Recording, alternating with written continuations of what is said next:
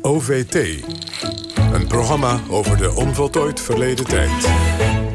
We gaan het hebben over een strandroof. Gepleegd in 1703 op het eiland Vlieland. Niet door bewoners van het dorp Oost-Vlieland... dat u wellicht kent, nu het enige dorp op het eiland... maar door de jutters van West-Vlieland.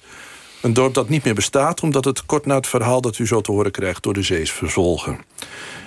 In de namiddag van de 13 december 1703 liep de West-Indië-vaarder Sarah en Mary op de gronden buiten het dorp...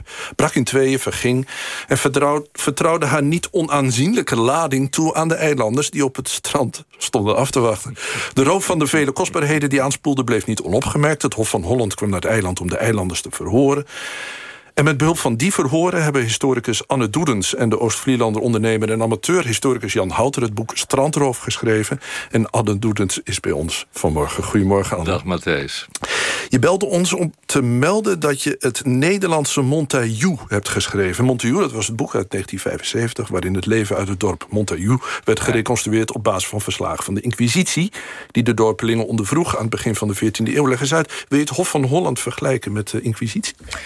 Nou, weet je, eh, als historicus ben je altijd op zoek naar uh, uniek bronmateriaal... wat je een stuk verder helpt in inzicht in de samenleving. Het aardige natuurlijk van Montaillou is dat Le Rabat uh, begon met de inquisitieverslagen... omdat mensen onder marteling de neiging hebben... om niet altijd de waarheid te verzwijgen.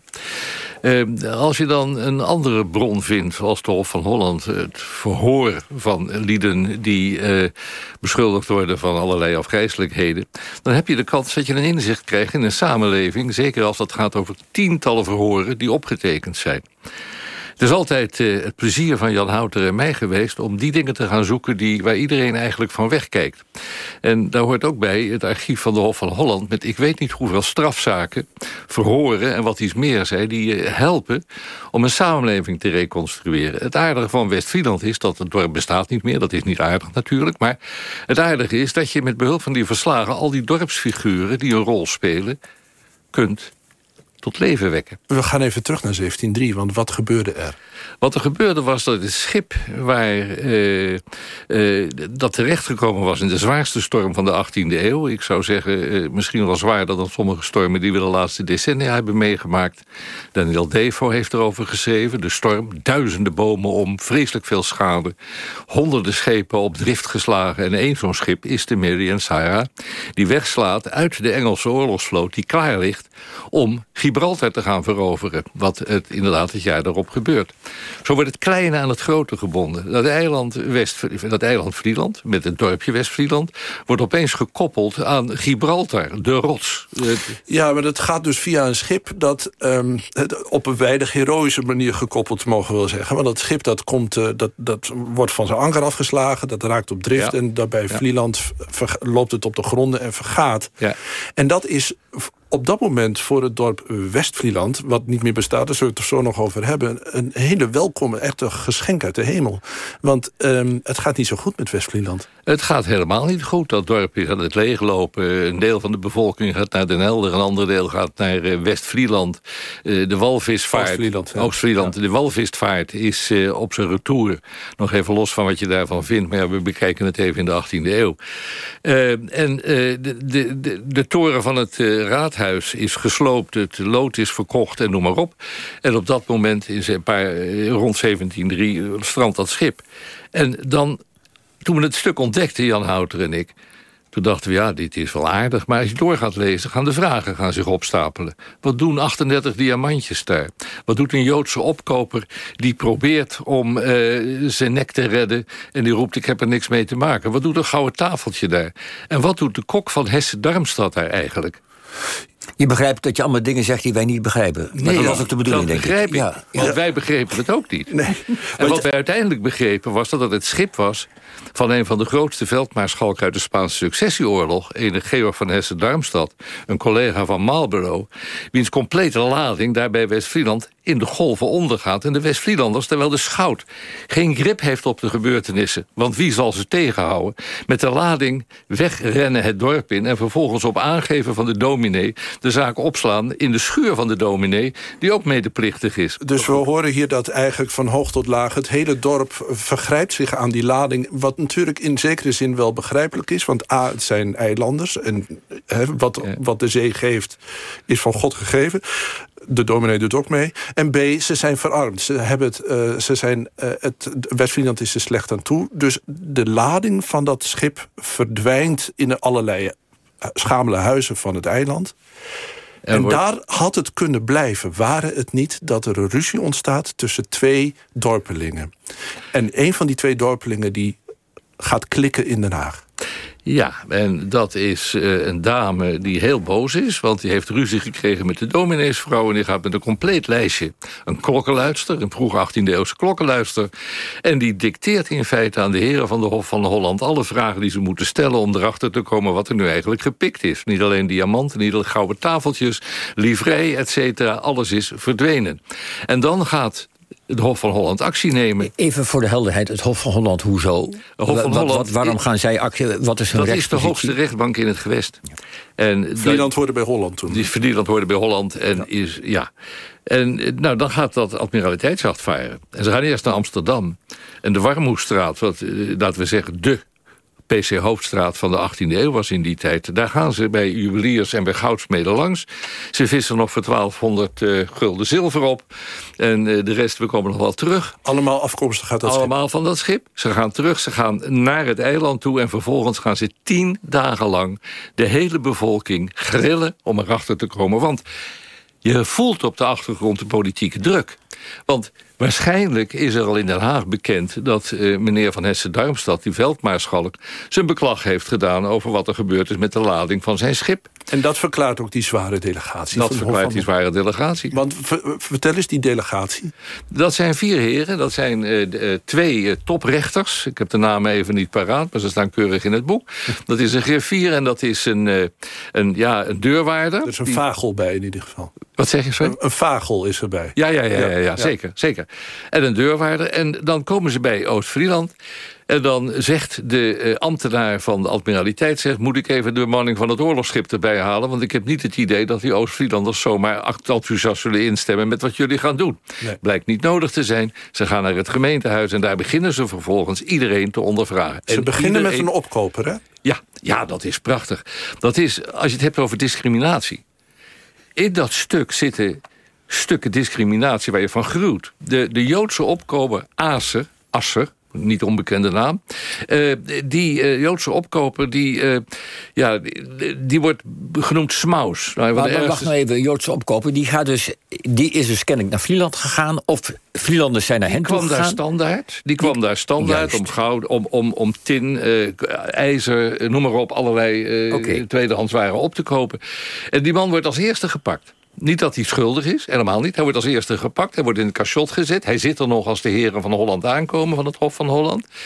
En uh, dan, uh, ja, uh, zijn vrouw wordt erbij gehaald. Hij moet de Joodse eet afleggen. Dat is een eet die is nog veel gruwelijker dan uh, christelijke, tussen aanhalingstekens, uh, Nederlanders af moesten leggen. Waarbij de meest afgrijzelijke straffen over jezelf afgeroepen werden.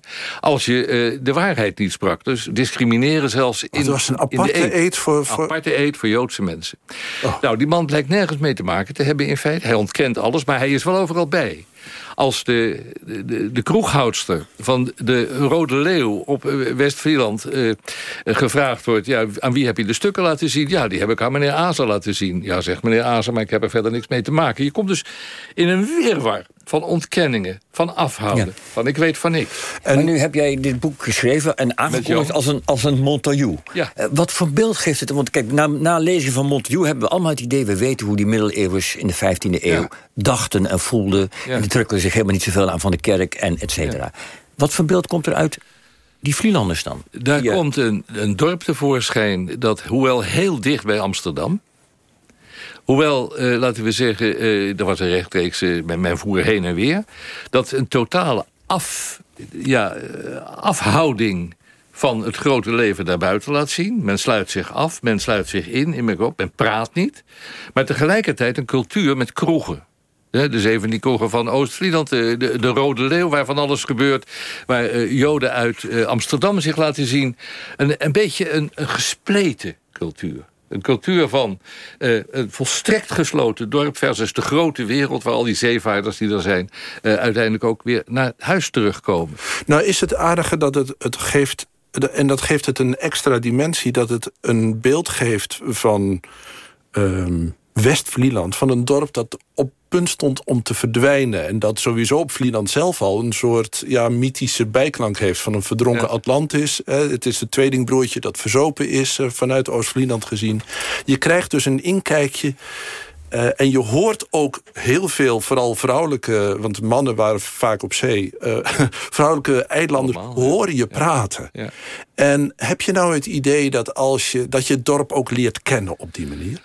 Ja, je leert het kennen. En uh, het is eigenlijk ook niet alleen dat dorp, ook andere dorpen. Er zijn honderden dorpen in Nederland door de golven uh, verzwolgen. Dit is er één van.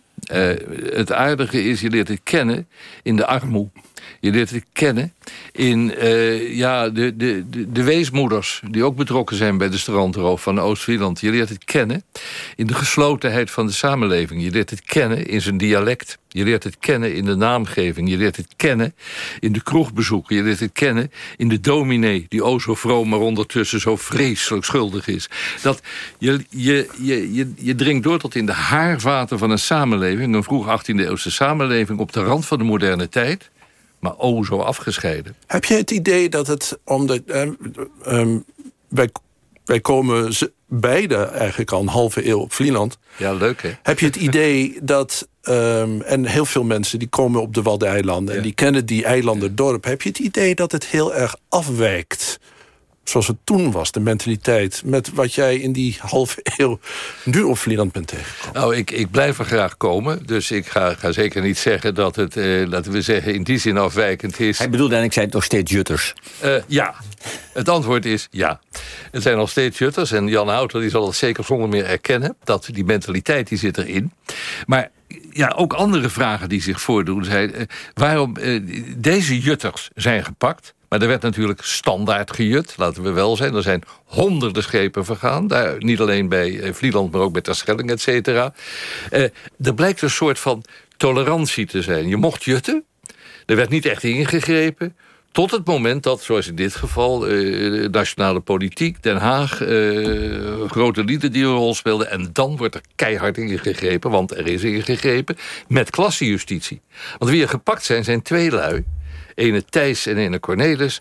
die in feite geen grote rol speelden. Maar de burgemeester die zijn handen smerig had gemaakt... en die betrokken was geweest. De dominee die betrokken was geweest. Uh, de schepenen die allemaal betrokken waren. De dienders, waarvan twee betrokken waren. Die worden niet opgepakt, maar deze twee visserlui wel. Het is van alle tijden, zou je haast zeggen. Ja, de, het, wat mij opvalt misschien ook omdat ik het eiland ken... is dat het eigenlijk een boek is over West-Vlieland, hè? Nee, ik ben het niet met je eens. Het is, ja, het is Westfield. Het is, een, het is een verhaal. Het is een verhaal waarbij een voorbeeldfunctie... hoe je een verdwenen samenleving... en dat is ook op andere samenlevingen... Ja, ik bepleit dat zeer... toe kunt passen in zijn methode. Ik bedoel, de tijd dat wij eens gaan kijken... naar wat er in het Hof van Holland zit... aan prachtig archiefmateriaal... aan andere steden en dorpen, aan andere zaken. Mijn grote wens is altijd dat wij de juridische archieven van dit land... die nog niet zijn gedigitaliseerd allemaal dat we daar eens met z'n allen werk van gaan maken. Want dan krijgen we onze blik op geschiedenis, die wordt En daar helpen wij met dit verhaal over West-Friesland. Dat, is een, dat is een groter historisch belang. Ja. Maar um, je geeft ook de lezer de gelegenheid om door dat dorp te lopen... dat er niet meer is. Dat is leuk. En ja. ik zie Jan Houter al, die zou het liefste zien dat dat dorp nog bestond. Ja. En dan zou die samen met de, laten we zeggen... met degene die enthousiast zijn over Vlieland... graag die wandeling maken en toelichten wat je allemaal ziet. Maar ja, we hebben nu alleen maar Oost-Vlieland. Uh, en West-Vlieland is dus een verhaal geworden. En dat verhaal hebben wij met liefde geschreven. Anne Doenens, het boek heet Strandroof. Geschreven door Doenens en Houter.